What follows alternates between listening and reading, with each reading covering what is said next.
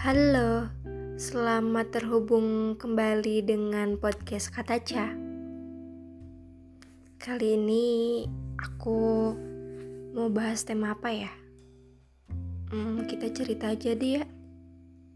Aku mau tanya sama kalian semua.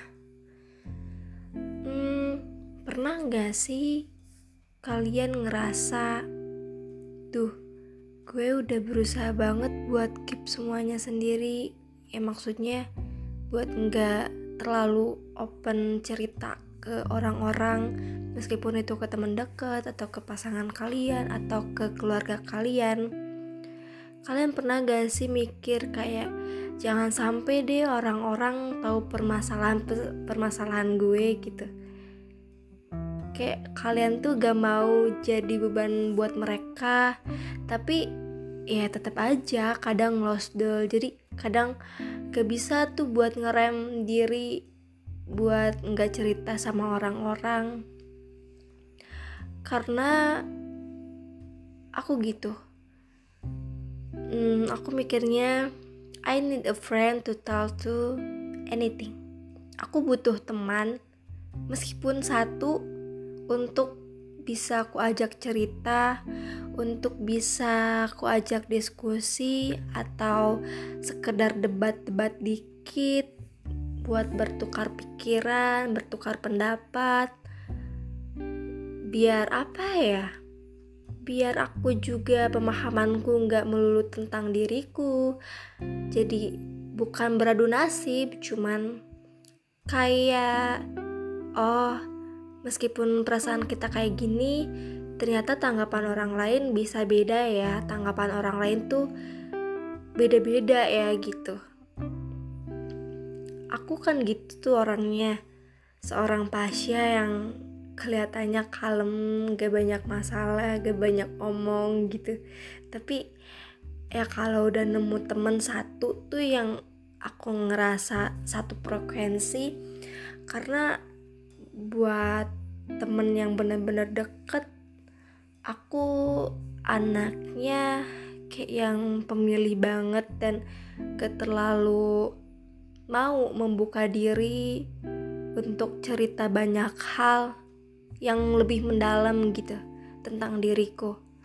Karena capek juga sih ternyata kalau misalkan kita terus cerita ke beberapa orang ke banyak orang dari siapa diri kita gitu dari kita yang A sampai ke Z gitu kayak nggak perlu lah ya. Sekarang tuh aku mikirnya ya satu temen aja cukup kali ya gitu.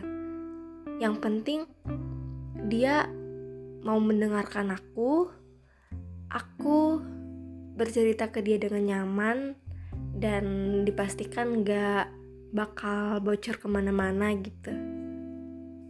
Bahkan ada satu temenku yang kayaknya dia tuh tahu banget cerita hidupku dari A sampai Z. Meskipun uh, banyak temenku yang udah tahu aku lama cuman sama dia meskipun dia orang baru gitu gak selama teman-temanku yang lain.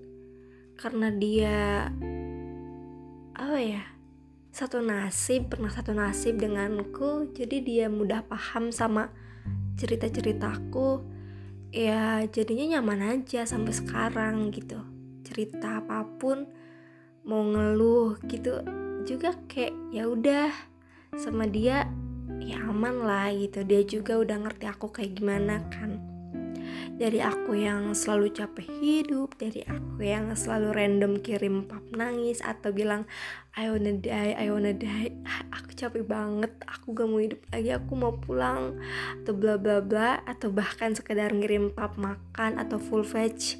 Karena ya emang aku serandom itu pap kalau sama orang yang udah deket banget. Tapi dipikir-pikir ulang kocak juga ya. Karena meskipun uh, seberapa banyak bualan-bualan kata-kata aku yang negatif ternyata aku masih bisa bertahan loh sampai hari ini gitu. Ternyata meskipun beribu kata yang aku lontar bahwa aku pengen udah aja gitu. Udah gitu. Finish enough. Ternyata aku masih bisa bertahan dengan menjadikan diriku sendiri alasannya gitu oh ternyata hidup tuh bukan tentang cara ngeluh aja tapi juga tentang gimana nih ca nyari cara buat lo bisa bertahan hidup. Karena kalau ngomongin capek ya ya hidup tuh tempatnya capek nggak sih? Kalau kamu hidupmu nggak capek berarti itu bukan hidup namanya. Hidup tuh kayak timbangan don't to be happy, don't to be sad, semuanya harus balance. Makanya ada tuh orang yang kalau lagi seneng banget ketawa-ketawa terus terus tiba-tiba dia berhenti ketawa dan bilang, "Wah, pasti nanti gue nangis nih, pasti bakal sedih nih, pasti bakal ada kejadian yang bikin gak enak nih."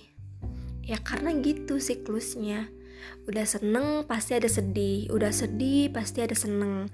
Tapi kita tuh kadang lupa kalau lagi sedih mikirnya ini gue perasaan sedih mulu. Ini gue kayaknya gak bakal bisa seneng lagi deh.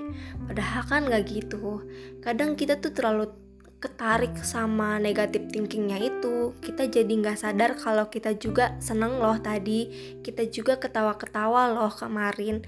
Cuma karena rasa sedih itu jadi semuanya ketutup ketutup sama emosionalnya sama perasaan-perasaan buruknya sama hal-hal yang kejadian barusan gitu kita terlalu menikmati kesedihan sampai kita lupa padahal kita juga udah berjalan di atas kesenangan dan apa pun itu perasaan buruk seperti apa pun itu biarin aja biarin dia lewat kalau mau nangis, ya nangis aja sampai puas. Gak apa-apa, sampai bikin kamu lebih baikan sedikit.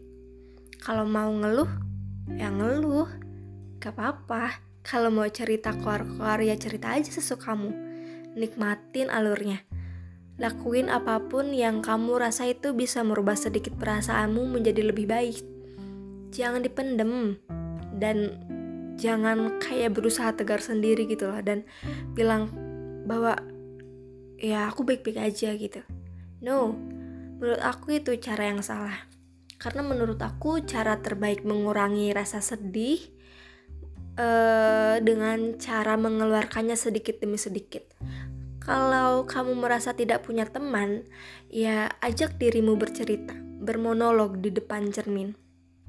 Tetap diri kamu di sana, Keluarin semuanya, ceritain semuanya, anggap di depanmu adalah dirimu dalam versi terbaikmu, anggap di depanmu adalah teman setiamu.